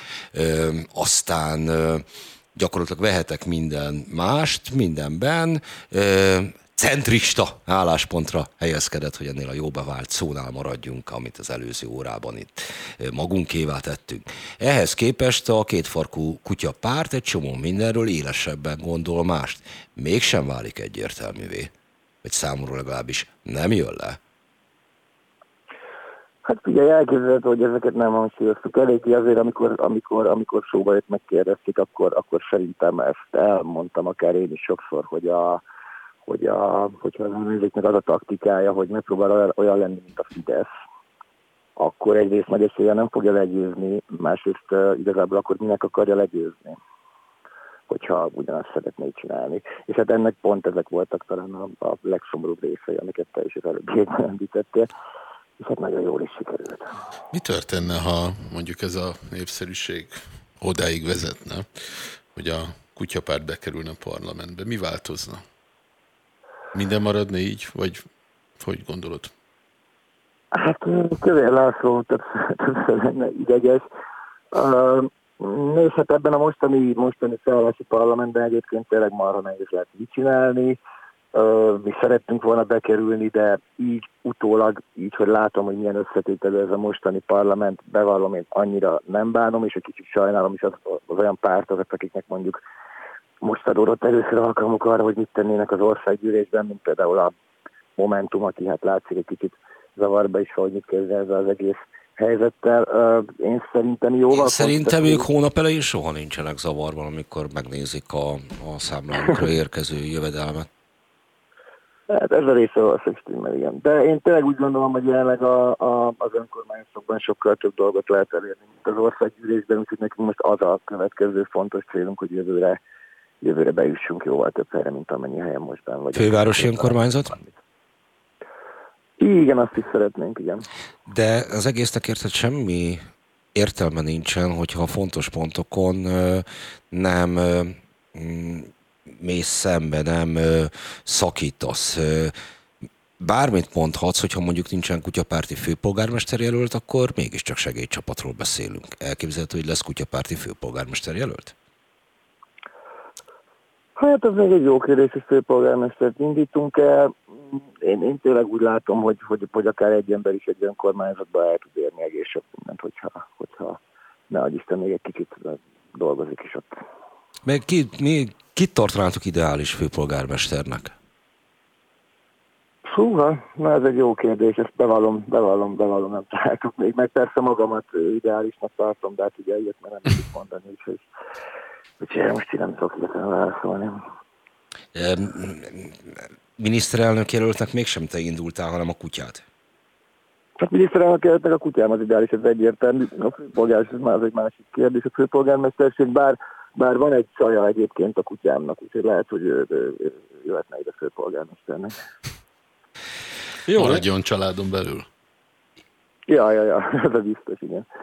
Mi történne akkor, hogyha most keresnek titeket az ellenzék részéről bárki, hogy nem egy, hanem annél jóval több listás helyért szálljatok be ti is az egyelőre nem létező összefogásba. Hát ez történik, mert, mert keresnek meg minket az ellenzék részéről, több ellenzéki polgármester megkeresett már, és amikor a az ember vízből azt mondja, hogy, hogy azért jöttünk, hogy akkor mostantól mi adjuk a, a polgármestert, akkor azonnal, azonnal lelkesen mondják, hogy persze, persze, erről, erről akkor lehet egyeztetni. Most már tudom, most már legalább értem, hogy miért van ennyi a polgármester Budapesten minden kerületben, vagy akár a fővárosnál. Mi biztos, hogy nem fogunk ezzel ellenzékkel együtt indulni, annál jóval nagyobb problémáink vannak velük, bármennyi listás helyetben nem tudom, mit akarnának ígérni. Azt el kell, hogy mondjam, hogy, a, hogy a, ami, ami, ami Márkizai Péter mesterterve volt, hogy majd minket bevon az összefogásba, és amiket ő mondott rólunk, az, azzal ő pontosan az ellentetjét érte el. Tehát ettől, ettől úgy utálta meg az egész tagság, az egész ellenzéket, hogy, száz, hogy nem fogunk ezekkel összefogni. Oké, okay, csak nem lehet, hogy a, a kutyapártán is fellépett egy kicsikét a borzalmas tagság probléma? Hogy van ilyen-olyan elköteleződésük, ilyen-olyan nézetük, és akkor el kell kezdenetek taktikázni, és mondjuk a e, mi hazánk e, sokkal fegyelmezettebben tud külön utas lenni, mint ti. Mondjuk e, az egész Covid lezárások ügyében, erről már beszéltünk, ezért ahogy telt az idő, egyre sok több mindenről derült ki, hogy abszurd nincsen ott, és úgy tovább, és ehhez képest azért, mert hát a tagságotok jelentős része is urbánus értelmiségiek körül verbuválódik, akik a élharcosai voltak, mert valamiatt a felvilágosultságnak, a letéteményesének hitték magukat mondjuk a lezárásoknak. Ennek következtében nem sikerült olyan véleményt megfogalmazni, ami kritikussá teszi a kutyapártot mondjuk a járványkezeléssel kapcsolatban. Borzalmas tagságtól indultunk, csak hogy emlékeztesselek a kérdés első felére is. Az első felénél ebből a szempontból szerintem nem borzal, tehát a ellenzéki pártokkal kapcsolatosan nem, nem borzalmas a tagság. Itt egy pont, nem tudom, másfél-két hónapja szavaztuk meg, hogy mikor indulunk a választáson.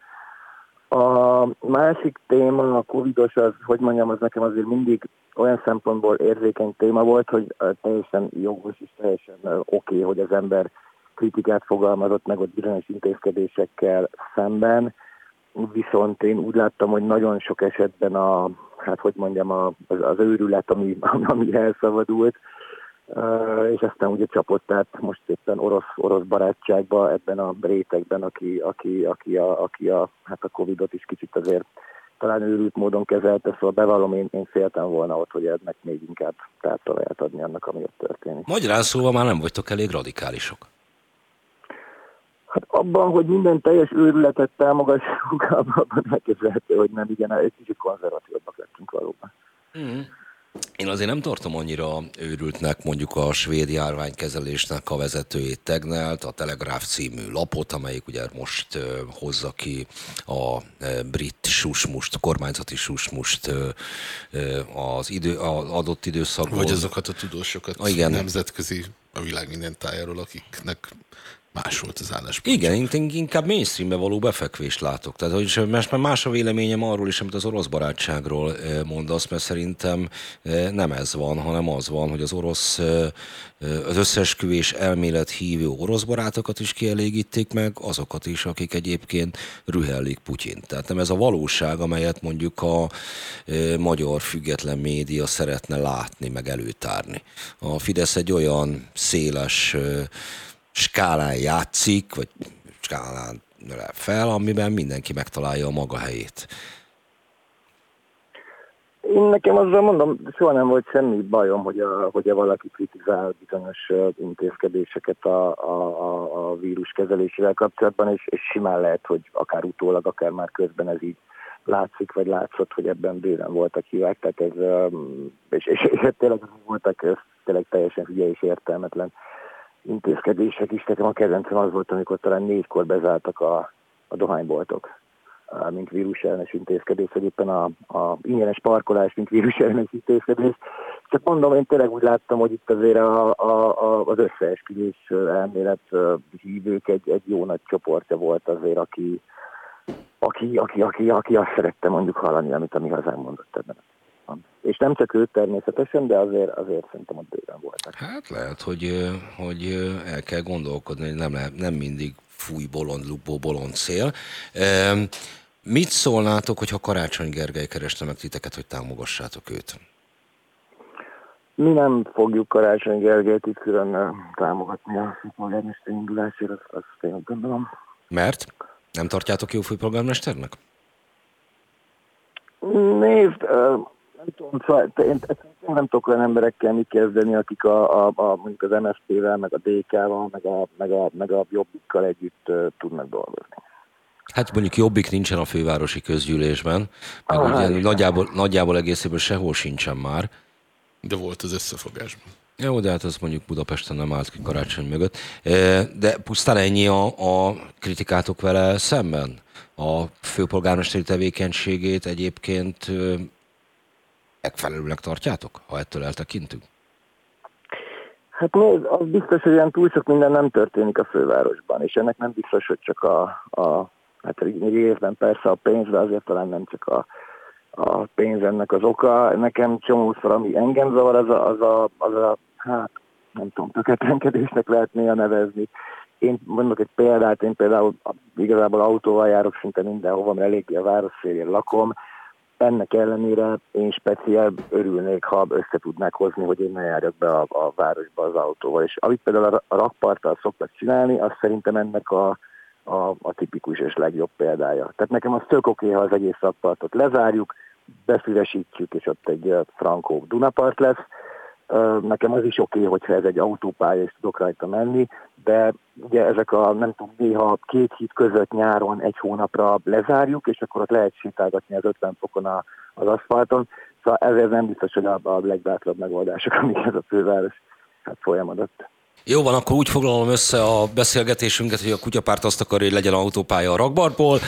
Köszönöm szépen Kovács Gergelynek, hogy rendelkezésünkre állt. Mindjárt mindenki folyt. őrült, aki hitt a Covid-ban, vagy nem. Így, így, így, így, és mindenki őrült. Rendben. Akkor egy, csak adja a független médiáról is kapjál némi ízelítőt. További jó utat az autóval. Köszönöm. Hello. Hello. És folytatjuk tovább akkor a műsorunkat, további kívánok. szép délután kívánok mindenkinek. Annyit akartam még elmondani, mert ezt a beszélgetések ezt szakították meg, hogy én simán elképzelhetőnek tartom. Azt mondtam, hogy felülmérik szerintem a DK-t, ott tartottam egy ilyen másfél órával ezelőtt, és hogy nem tartom azt kizártnak, hogy egy ilyen 2009-es helyzet áll elő, hogy a maradék baloldal ilyen mindenféle vert és lejáratódott kis csapatokban nyalogatja a sebeit, és hogy az igazi virulens kihívója a Fidesznek, mint egykor a Jobbik volt, az a mi hazánk lesz jövőre. De majd szépen összegyűltünk, ezt, ezt bogozzuk már ki, hogy miért mérik felül a DK-t szerinted? Hát szerintem leginkább azért, mert ez az érdekük. Aha. Ez az érdekük, és hogy ez a legsztereotípabb válasz jelen pillanatban, illetve a többi ellenzéki párt nem igen ad magáról életjeleket. Tehát, hogy például van olyan ellenzéki párt, amelyeknek nem igen lehet tudni, hogy ki az elnöke, mm. azon túlmenően, hogy néha megjelenik egy vicces bulvárhír, hogy szerinte az ellenzék egyik pártelnöke szerint az ellenzék ugyanannak a pártelnökének elképesztő lexikális tudása van. Székely Levente, szociológus, az MCC Ifjúságkutató Intézetének igazgatója a vendégünk. Na, a fiatalok és politika témánk, ez ebből kiderülhetett, és az adta az apropót, hogy a medián szerint a mi hazánk a 30 év alattiak körében a legnépszerűbb párt. Az elmúlt másfél órát azt a leginkább érintett pártoknak a vezetőivel, vezető személyiségével töltöttük, úgy, mint Tóth Endrével, az, a Momentum országgyűlési képviselőjével, Duró Dórával, a Mi Hazánk alelnökével, az országgyűlés alelnökével, illetve Kovács Gergelyel, a Magyar Kétfarkú Kutyapárt társelnökével, és azt hiszem, ezt mondhatjuk, Robi, hogy ö, ö, nem ért ennek a három beszélgetésnek a fényében minket meglepetésként, hogy a 40 év alattiak körében, fiatalok és középkorúak körében a medián felmérése szerint a kétfarkú kutyapárt a legnépszerűbb, 30 év alattiak körében pedig a mi hazánk a legnépszerűbb párt. Nem, nem volt, nem volt három beszélgetés tükrében, nem tűnik ez egy olyan. Hát nem, nyilván itt össze lehet rakosgatni, hogy mik azok az elemek, motivumok, mozgatórugók, amik amikről itt is hallhattunk egyébként, tehát elitellenesség, vagy a, vagy a kutyapártnak ez a groteszk politizálása. Ami annyira egy csomó igen, esetben idejön mégsem igen, annyira groteszk. Árny, árnyaltuk, igen, de hogy alapvetően mégiscsak még megmaradt ez a groteszk a hangütésnek az alapja, vagy az alaphangütés, és és bizonyos kérdésekben meg nem elég bátor. Székely Leventét kérdezem, jó napot kívánok! Jó napot kívánok, köszöntöm én is a hallgatókat! Hozzánk hasonlóan nincsen meglepve ezektől, vagy meg van lepve, vagy nincsen meglepve és vitatja, vagy mit gondol? Vagy egyes részeit meglepőnek látja, más részeit nem. Én azt gondolom, hogy egy mérésből még olyan igazán nagy következtetéseket ne vonjunk le. A tendenciák lesznek majd érdekesek. Azért azt... Igaza van, ezt mondjuk az ellenzék esetében is teljes egészében megállja a helyét, hogy végül is négy kétharmaddal elvesztett országgyűlési választás után olyan nagy következtetéseket ebből nem lehet levonni. Nagyon, tehát nyilván nagyon számítanak a, a, a választási eredmények, de a mérések esetében is, hogyha önmagában egy mérést nézünk, az természetesen informatív, meg uh, általában a közvéleménykutatók jól működnek, hiszen uh, a legtöbb esetben egész jól eltalálják a, a választásoknak a végeredményet, még a kisebb uh, politikai tömörüléseket is viszonylag jól beszokták jósolni. Arra gondoltam pusztán, hogy hogy, hogy egy ilyen, főleg ilyen, ilyen kisebb csoportnál, ami ugye a fiatalokat érinti, ott azért, egy, hogyha még egy ezerfős kutatásról is beszélünk, azért nagyon kicsi elemszámok maradnak a végén, amiből a, a becslések következnek. Ha abba belegondolunk, hogy, hogy általában a, az ilyen politikai preferenciára vonatkozó kérdéseknél a megkérdezetteknek jó része nem válaszolja meg, tehát nem mond konkrétan pártot, hogy ez a jó része ez mennyi, ez, ez azért különböző, de azért a, a, az egynegyedtől akár a 40 ig is szokott ez, ez előfordulni. Tehát, hogyha például mondjuk azt mondjuk, hogy a, a 30%-a nem válaszolta meg ezt a, a kérdést a kérdezetteknek, akkor egy ilyen, egy ilyen ezerfős kutatásnál is már 700 emberről beszélünk, hogyha a 18-29 évesek arányát vesszük ki, akkor meg 100-120 emberről beszélünk, amiből aztán e, ténylegesen mondta valamennyi, mondjuk, hogyha ugye ez, ez 20 akkor ennek a 20 a említette például a, a mi hazánkat, úgyhogy, úgyhogy ezért az egymérés az önmagában kevés, Egyébként mi azt a, a választások előtt is láttuk, hogy, hogy, a, hogy, hogy a mi hazánk az, az, az tud tényező lenni az ifjúságnál. Készítettünk a fiatalok körében kutatást, és készítettünk közvetlenül a, a választást követően is az első szavazókra vonatkozóan egy felmérést, tehát azok vettek ebben részt, akik először járulhattak az urnák elé áprilisban, és ott például azt találtuk, hogy hogy, hogy a, az erőviszonyok azok nagyon hasonlóak voltak egyébként a, a, a végeredményhez, és itt a fiatalok körében, tehát itt a, ugye az első szavazókról van szó, itt 8%-ot ért el a, a, a, a mi hazánk ez szerint a, az utómérés van ugye, szerint. Van ugye egyfel a fiatalok politikához fűződő attitűdje, amiről nyilván ön is sokat tud, vagy kutatják, meg van ez az adat, amit megismertünk, hogy mit gondol arról, hogy ezekből az adatokból, vagy számokból, vagy, vagy tendenciákból mennyi váltható adott esetben majd valós szavazatokra? Hát igen, ez, ez, ez egy nagyon-nagyon lényeges kérdés. kérdés. A, a fiatalok politikai aktivitásánál a, azt látjuk, tehát egy, van, van egy kis ilyen ellentmondás, mert egyrészt a, a fiatalokat, hogyha arról kérdezzük, hogy mennyire érdekli őket a, a politika, akkor jellemzően azt a választ szűrhetjük le, hogy nem érdekli őket. Majdnem egyáltalán nem érdekli, és egyébként ez tartósan így van, tehát hogy, hogy ezt ilyen 1 5 terjedő skálán szoktuk kérdezni, és ez az elmúlt két évtizedben 2,5 alatt marad bőven. Tehát, hogy alacsony a politikai érdeklődés, Mégis úgy tűnik, hogy, hogy azért a, a választásokra rá lehet venni őket, hogy elmenjenek és, és szavazzanak. Tehát ebben a kutatásban, amit az előbb említettem, ahol az első szavazókat vizsgáltuk, ott tízből heten azt mondták, hogy ők voltak. Ugye ez a nagyjából 70%-os arány, ez, ez a, hozza az országos átlagot is e tekintetben. Duro Dórától is kérdeztük, most öntől is kérdezem, hogy uh, nyilván három nagyon különböző politikai alakulatról van szó, de nézzük már meg, hogy ön szerint mi, mi lehet az a, mi, mitől lehetnek ezek, ezek a pártok vonzóak? a fiatalok számára? Mi az az attitűd, mi az, ami, mi az amit megtaláltak? Mit láttak azokban a mérésekben, amit választások előtt készítettek, amikből Igen, már ugye... azt nézték, hogy a mi hazánk ott erősödik? Igen, ugye én nem vagyok politikai elemző, tehát hogy ebben a, a, a kérdéskörben az én válaszom az, az, az meg, meglehetősen behatárolt. Amit a fiataloknál látunk, az, az egyrészt az, hogy nyilván a fiatal arcok azok azok megmozgatják őket. Tehát, hogy, hogy amennyiben egy fiatalos politikai alakulatról van szó, fiatal politikusokról van szó, ahhoz van egy, egy természetes vonzódása az ifjúságnak. Természetesen, tehát ez, ez bizonyosan felhajtó erő.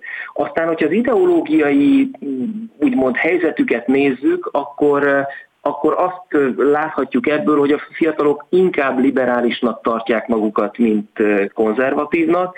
a jobb oldal meg a bal oldal tekintetében eléggé megosztottak, és radikális és mérsékelt tengelyen meg, meg inkább, sőt, nagyon erőteljesen a, a mérsékelt oldalon vannak. Tehát ebből olyan különösen nagy következtetéseket nem lehet levonni, ez ilyen standarden így Ehhez képest, ehhez Ami... képest a radikális szervezetek hasítanak, és a magát előbb centristának nevező Momentum annak ellenére, és erről majd mindjárt próbálom ezt feszegetni, hogy vannak-e életkori azonosságok szavazók és politikusok között. Momentum le van szakadva, de nem lehet mérsékeltnek tekinteni a Fidesz sem, amelyik szintén nem elhanyagolható a fiatalok körében. Tehát igen, tehát nem a mi hazánk hát is, bizonyos szempontból radikális a kutyapárt is, ott van a Fidesz is. A lehet, hogy magukat mérsékeltnek mondják, de a többségük mégiscsak így úgy radikális szervezetet választ. Na igen, ez egy nagy kérdés egyébként a politikailag aktív fiatalok, tehát akiknek van konkrét véleményük, azok melyik tábort erősítik. Most e, e tekintetben nincsenek itt friss adatok nálam, de amit még hozzá akartam ehhez tenni, hogy, hogy mi az, ami motiválja a, az ő tényleges szavazásukat, és ez eddig nem hangzott el, az a család. Tehát a, mi azt kérdeztük meg, hogy hogy ugyanúgy szavaztak-e, mint a szüleik, és itt azt találtuk, hogy 80%-uk azt mondja, hogy úgy szavazott, mint legalább az egyik szülője, vagy a szülei. Tehát ebben a, a, a tekintetben alapvetően a, a szülői minták azok, amelyek irányadóak, és és az, az is látszik ezekből a, a kutatásokból, hogy amikor fiatalok politikáról beszélgetnek, akkor azt inkább teszik családi környezetben, mint a barátaik között. Tehát, hogy, hogy a, a politikai szocializációban a családnak a, a szerepe az nagyon, nagyon erőteljes, és meg is határozza az irányt, hogy milyen irányba voksolnak. Jó, akkor beszéljünk egy kicsikét, a, amit előbb említettem, az életkorokról. Azt mondta ugyanis, hogy a, önmagában a fiatal arcoknak a látványa, az ő előkerülésük a politikában az egy fiatal szavazó számára orientáció, tehát vagy irányadó valami, szeretnek oda csoportosulni. A kérdés azt hiszem, hogy legkevésbé sem politikai elemzői, sokkal inkább szociológiai. Ehhez képest én azt látom, hogy az a Momentum, amelyik 80-as évek legvégén, 90-es évek elején születettekből áll, ők adják a vezető garnitúráját, előbb egy 90-ben született parlamenti képviselővel beszéltünk, van lemaradva a 70-es évek végén születettekkel szemben. Torockai László fiatalok körében egy népszerű politikus, holott őt már fiatalnak nevezni nem lehet. Mi ennek az oka? Ez egy nagyon jó kérdés, hogy ugye egyrészt az a kérdés, hogy ez, hogy ez tényleg így van-e, tehát hogy a, hogy a fiatalok dominánsan mondjuk vonzódnak-e a, a, a torockaihoz, vagy, vagy, vagy, vagy éppen nem vonzódnak a, a momentumosokhoz. Én annyit állítottam, hogy abban a tekintetben van egyfajta, hogy mondjam, ilyen, ilyen közös vonzalom, hogyha fiatalok jelennek meg a politikai szintéren, és mondjuk alakítanak új pártot, vagy, vagy kerülnek fontos pozícióban egy-egy politikai erőnél, akkor az jelent egyfajta vonzerőt a fiatal szavazóknak, mert hogy azt tudja megszólítani. Kevésbé gondolom azt, hogy, hogy, hogy a, a tőlük nagyon távol lévő politikusok olyan könnyedén meg tudják őket szólítani. Van ez a nagyon, hát ez a kétséges nem tudom, állékonyságú fordulat, hogy megszólítani a fiatalokat, vagy közhelyes fordulat. De ha már itt tartunk, ön hogy látja, hogy mik ma a nagy kérdések a fiatalok körében? És lehet, hogy így, lehet, hogy be tudnék dobni kettőt, hármat, ami így eszembe, de lehet, hogy nem jóra gondolnék. Ön ezt valószínűleg jobban látja. Mik ma a nagy de... ilyen létkérdések, ami, ami így a fiatalok számára fontos? Hát abban a szerencsés helyzetben vagyunk, hogy pont most készítettünk arról egy kutatást, hogy, hogy mi az ifjúságnak a, a legnagyobb vagy legégetőbb problémája, vagy ők maguk mit látnak a nemzedékükben e, problémának, és ott a, az első helyen a, a bizonytalanság, a kiszámíthatatlan jövő e, szerepel, a második helyen e, anyagi problémákat e, találunk, tehát azokat emlegetik, aztán jön a céltalanság, hogy úgy érzik, hogy a, a fiatal társaik azok nem tudják, hogy, hogy mit akarnak, és a negyedik helyen a baráti társaságoknak, a közösségeknek a hiánya szerepel. Tehát ezek azok a, a fő problémák, amelyek a, a fiatalokat aggasztják, és ehhez képest mondjuk az olyan ö, kérdések, mint a klímaváltozás kérdése, az itt a legégetőbb problémák között legalábbis a, az élbolyban nem szerepel. Mennyire látszik, rajzolódik ki, vagy, vagy van erre nézést valamilyen adat vagy tendencia, hogy mondjuk az elmúlt két-három éve ezekre a problémákra ráerősített? Én azt gondolnám, hogy igen, csak nem én kutattam ezt, hanem önök. Így van. Így van, a, az út, tehát amiről most beszéltem, kutatási eredmény, az most fejeztük be az adatfelvételt januárban. Korábban volt a nagymintás ifjúságkutatás 2020-as adatfelvétele, pandémiának a második hullám alatt vettük fel az adatokat, és, és ezzel a, a kutatással összehasonlítva azt látjuk, hogy a, ez a bizonytalanság, illetve az anyagi problémák azok, amelyek erősödtek a, ebben a három évben. Egyébként, hogyha tágabb perspektívát nézzük, és mondjuk ezt kitoljuk egy bő évtizedes hát ilyen, ilyen fókuszba, akkor azt látjuk, hogy vannak olyan problémák, mint például a munkanélküliség, amelyik 2008-ban az első és legfontosabb, legégetőbb probléma volt a fiatalok szerint, ez, ez most már nincs benne az első ötben. Tehát vannak olyanok, amelyeknek ilyen leívelő karrierje van, másoknak, például ennek a bizonytalanságnak pedig egyértelműen felívelő karrierje van, ez most a, a legjelentősebb probléma a fiatalok szerint. Lehet tehát akkor sikeres mondjuk, vagy, le, vagy lehet-e a megfejtése a, a, egy politikai erős sikerének ebben a korosztályban, ha mondjuk ezekre a bizonytalanságokra rájátszik, vagy ezen bizonytalanságokra ajánl biztos fogóckodókat? Ez megint csak az én itt ilyen konyhai okoskodásom magától én csak kony... választ. Én csak konyhai okoskodást tudok válaszképpen igen, igen, adni.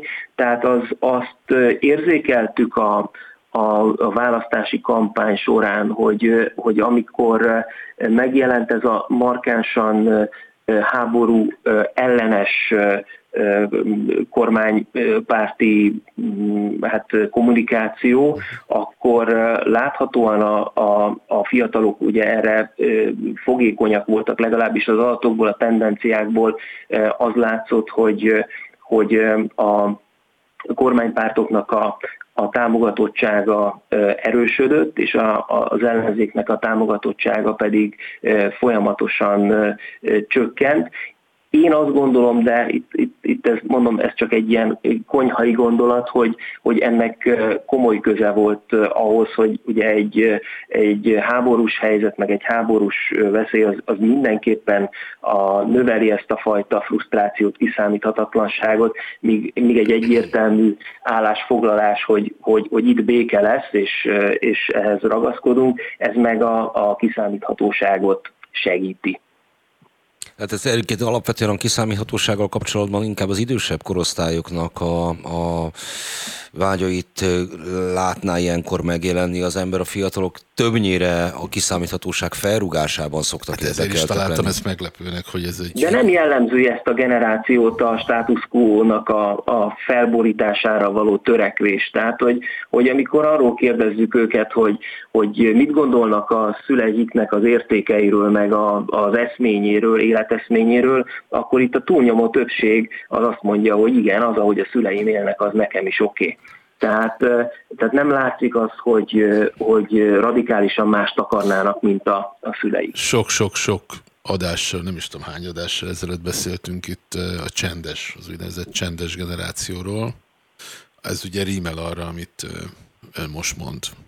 Abszolút. tehát, hogy van egy olyan generáció, ami nem, nem feltétlenül lázad, nem feltétlenül akar minden De hát a mi hazánk mást... szavazat azt mutatja, hogy de bizonyos dolgokkal szemben mégis lázadna, csak ez nem jelenik meg. Öm, hogy is mondjam, a mainstreamben. Igen, de én azért is kérdeztem, a, hogy le, rájátszhat-e egy politikai erő a, a bizonytalanságokra, mert ugye egy, a mi hazánk egyfelől radikális, másfelől viszont ilyen tradicionális fogóckodókat is kínál a fiataloknak, meg hát nem csak a fiataloknak, mindenkinek, tehát van egy ilyen fajta nem, András, erről mit gondolsz? Mert hogy nem szerintem, tudom, erről, szerintem van ennek egy ilyen... Szerintem én azt látom, hogy a, a mi hazánk fiatal szavazói jelentős részben eltérnek a 2000-es évek jobbikos fiatal szavazói közül. Azokra igaz, amit szerintem te mondasz, de az is egy lázadás volt, hiszen ugye ők a 68-asoknak a, a hát, gyerekei, tehát a, lázadás a, a szexuális szabadsággal lázadás. szemben a hagyományos családmodell, a vallástalansággal szemben egy büszkén vállalt és egyébként nem átélt vallásosság, a, a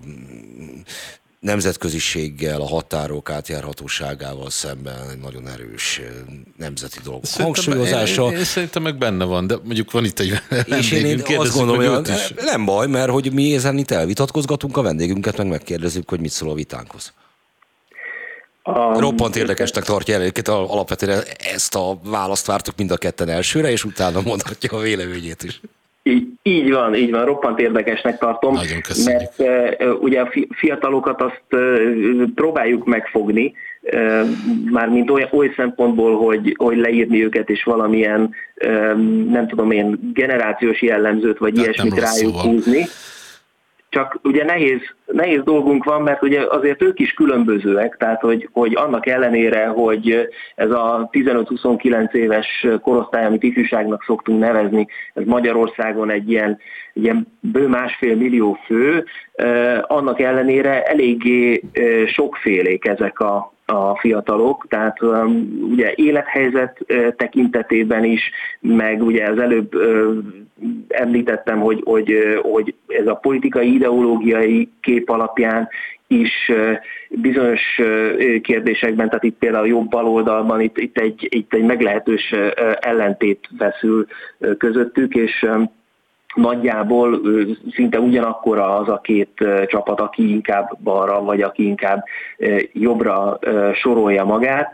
A, azt a részét nagyon, hogy mondjam, tudom érteni, hogy, hogy van bennük sokfajta furcsaság és ellentmondás is, tehát a, amikor mondjuk arról beszélünk, hogy, hogy mennyire konzervatívak a fiatalok, mert értékeikben egyébként, amiket hangsúlyoznak azok, miközben a, a, az élethelyzetük az ö, sokszor nem azt ö, mutatja, és ugye itt arra csatlakoznék rá az a vallás. Ez mit jelent?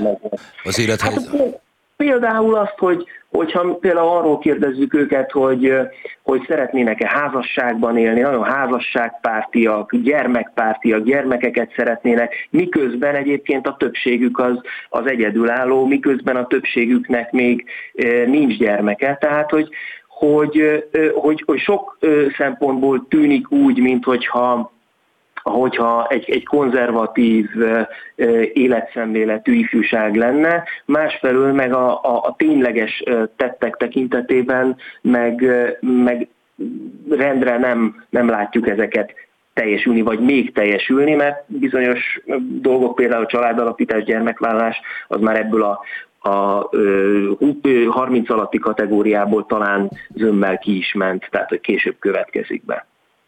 Annyi kérdésem van még, hogy azokból a felmérésekből, amit most láthattunk, elképzelhető-e bármi olyasmi, hiszen most már jelentős időszak telik el úgy, hogy nagyjából ebben élünk, hogy hosszú távon Magyarország arra rendezkedhet be, hogy hát egy ilyen radikális kijelentésekkel operáló, de szíves szerint egy ilyen középen álló jobboldali szervezet, és folyamatosan radikális jobboldali kihívója van.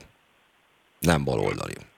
Uh-huh. Hát igen, ez, ezt a politikai jellemzők tudnák jól megválaszolni, vagy megmondani. Hát az eddigi erőviszonyokból ez a, ez a kijelentés ez nem elrugaszkodott a földtől, ezt én is, én is így gondolom, de de azért nem tudom, tehát itt a, a körülöttünk lévő országoknál is láttunk új politikai erőket, amik egyszer csak megjelentek Úgyhogy én a nyakamat nem tenném rá, természetesen. Nem is kell. Nem is kell, semmelyikünk ne rakja a nyakát semmire sem. Köszönjük szépen Székely Leventének, hogy Köszönjük. itt volt velünk. A fiatalokról és a politika szépen. viszonyáról beszélgettünk ebben a műsorban. Búcsúzunk.